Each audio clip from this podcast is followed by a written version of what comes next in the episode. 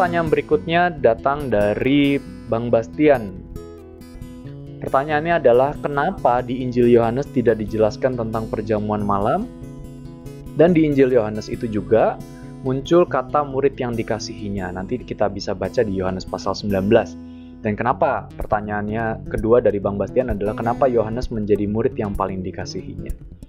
Baik, ini pertanyaan yang kompleks yang perlu saya jelaskan sebenarnya dari latar belakang Injil Yohanes itu sendiri. Injil Yohanes ditulis oleh Yohanes murid Yesus. Yohanes murid Yesus adalah orang ataupun juga murid Yesus yang sangat setia yang dia menuliskan Injilnya ini atau menuliskan tulisannya ini ketika sedang berhadapan dengan kaum Gnostik kaum Gnostik percaya bahwa Yesus yang hadir itu adalah seolah-olah manusia.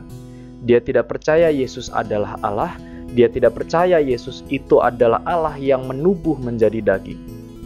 Dan ini menjadi persoalan yang sangat besar, menjadi persoalan yang sangat pelik untuk mempertanyakan siapa itu Yesus. Maka dari itu Injil Yohanes itu pendekatannya sangat berbeda dengan ketiga Injil lainnya yaitu Injil Matius, Markus, dan Lukas. Matius, Markus, dan Lukas Injil yang sangat menekankan kemanusiaan Yesus bagaimana Yesus hadir di dunia. Sementara Injil Yohanes itu sangat menekankan siapa Yesus dari sisi teosentrik, yaitu dari sisi keilahiannya. Jadi menarik ya, Injil Yohanes ini menjadi Injil yang penting untuk melihat perspektif Yesus secara kristologis dari sisi teosentrik. Lalu apa pentingnya sisi teosentrik ini untuk menjelaskan Yesus? Ini sangat penting sekali. Karena apa? Justru dengan adanya perspektif teosentris, maka anggapan kaum gnostik bahwa Yesus bukanlah Allah atau seolah-olah adalah Allah, manusia yang seolah-olah ilahi, itu ditepis. Karena memang pada faktanya Yohanes sendiri sebagai seorang saksi yang menuliskan Injil ini itu hidup bersama dengan Yesus, mengikuti Yesus sampai di kayu salib, dan itu menjadi penting karena Yohanes melihat sendiri dengan mata kepalanya bagaimana Yesus adalah sepenuhnya Allah, tetapi juga sepenuhnya manusia. Tapi karena dia punya konteks yang harus diluruskan, yaitu konteks gnostik, maka Yohanes menuliskan semua tulisannya ini dari sisi Allah yang menjadi manusia. Maka dari itu Yohanes 1 itu isinya tentang firman yang menjadi manusia pada mulanya adalah firman, firman itu bersama-sama dengan Allah dan seterusnya. Jadi kita lihat bagaimana Yesus yang lahir itu bukan hanya sekedar bayi yang lahir, tetapi adalah Allah yang menubuh, firman yang hidup, firman yang berkelana di dunia untuk menyelamatkan manusia. Jadi di situ titik penting dulu untuk kita bicara soal Injil Yohanes. Kembali ke pertanyaan, apakah perjamuan malam tidak dibahas dalam Injil Injil itu? Oh, tentu dibahas. Yohanes 3, 14, 15 merupakan kalimat perpisahan Yesus dan kalau kita lihat itu adalah ucapan Yesus yang banyak juga di situ mengenai kematiannya, janji tentang Roh Kudus, tentang perintah baru saling mengasihi dan di situ juga ada basuh kaki. Bahkan di situ dikatakan di Yohanes pasal 13 saat makan malam menjelang hari raya Paskah. Ya, makan malam di sini sebenarnya adalah perjamuan malam atau makan the last supper. Kenapa? Karena mengambil Paskah orang Yahudi.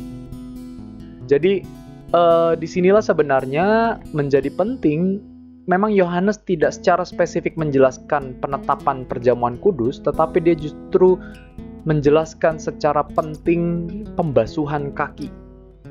Dan di mana pembasuhan kaki itu adalah apa yang Yesus ajak. Yesus membasuh kaki lalu kemudian dia mengatakan, lakukanlah ini di antara kamu. Jadi pembasuhan kaki adalah kejadian yang sangat integral di perjamuan malam. Jadi tidak bisa dilepaskan. Ketika ada pembasuhan kaki, maka di situ konteksnya adalah perjamuan malam. Injil Yohanes tidak mencatat ataupun tidak memberikan fokus kepada perjamuan malamnya, tetapi kepada peristiwa yang terjadi pada makan malam itu sendiri, yaitu pembasuhan kaki, Lalu kemudian Yesus memberikan perintah baru dan kemudian di situ Yesus juga menyatakan bahwa ada yang akan mengkhianatinya. Tetapi di situ juga Yesus mengatakan tentang janji penghibur bagi para murid dan bagi dunia. Dan ini menjadi penting, menjadi menarik karena ini melengkapi ketiga Injil yang juga menekankan penetapan perjamuan malam yang kemudian kita kita lakukan sebagai perjamuan kudus. Lalu jawaban kedua dari pertanyaan Bang Bastian, mengapa Yohanes menjadi murid yang paling dikasihinya? Sebenarnya semua murid yang mengikuti Yesus adalah murid yang dikasihinya. Termasuk 70 murid yang tidak disebutkan ya kalau kita baca di Injil Markus. Tetapi pertanyaannya kenapa kok ada tulisan murid yang dikasihinya dan itu kita jumpai kebanyakan di Injil Yohanes. Injil Yohanes ditulis oleh Yohanes bin Zebedius, murid Yesus yang mengikuti dia, yang taat mengikuti dia dan menurut catatan-catatan Alkitab dan para penafsir Alkitab, Yohanes merupakan murid yang sangat mengasihi Yesus, dia pendiam tetapi dia juga sangat setia. Bahkan ketika dia harus dibuang di Pulau Patmos yang kemudian menerima wahyu dari Allah. Ya, jadi ini sebenarnya merupakan sebuah kata ganti yang menunjukkan bahwa sebenarnya murid yang dikasihinya itu adalah si penulis Injil yang adalah Yohanes itu sendiri. Jadi dalam tradisi penulisan, maka bisa juga misalnya saya menjadi penulis novel, maka sebenarnya saya mau menghadirkan diri saya di novel itu, lalu kemudian saya tidak menyebutkan nama saya Yohanes ABS, tetapi saya misalnya menuliskan di novel tersebut si pecinta kopi. Maka si pecinta kopi itu menunjuk kepada saya yang adalah penulis novel tersebut. Nah, Murid yang dikasihinya itu adalah sebuah bahasa untuk menggantikan Yohanes sang penulis Injil tersebut. Mengapa? Karena kita tadi lihat konteksnya bahwa Yohanes berhadapan dengan kaum Gnostik dan yang menjadi fokus dari Injil itu adalah tentang Yesus itu sendiri. Sehingga yang menjadi pusat adalah Yesus, anak Allah, firman yang hidup. Kembali ke pertanyaan mengapa Yohanes menjadi murid yang dikasihnya, Jawabannya terdapat dalam peristiwa salib. Mengapa di situ? Ketika peristiwa Yesus disalib di situ hadir Maria ibu Yesus, Maria Magdalena, Klopas dan seterusnya. Lalu di situ ada dikatakan muridnya. Nah, siapa murid itu? Dialah Yohanes penulis Injil. Yohanes bin Zebedeus. Ya, jadi kalau boleh dikatakan, eh, mengapa seolah-olah Yohanes adalah murid yang paling dikasihi? Itu adalah anggapan pembaca. Tetapi sebenarnya kalau dari catatan Alkitab, dari Injil Yohanes, dia sedang menampilkan dirinya sebagai seorang penulis Injil, penulis catatan kebenaran, kabar sukacita, bahwa dia adalah murid yang sangat mencintai Yesus. Yohanes tidak pernah mengatakan saya murid yang paling dikasihi, saya murid yang paling dicintai. Enggak, enggak pernah. Itu anggapan orang.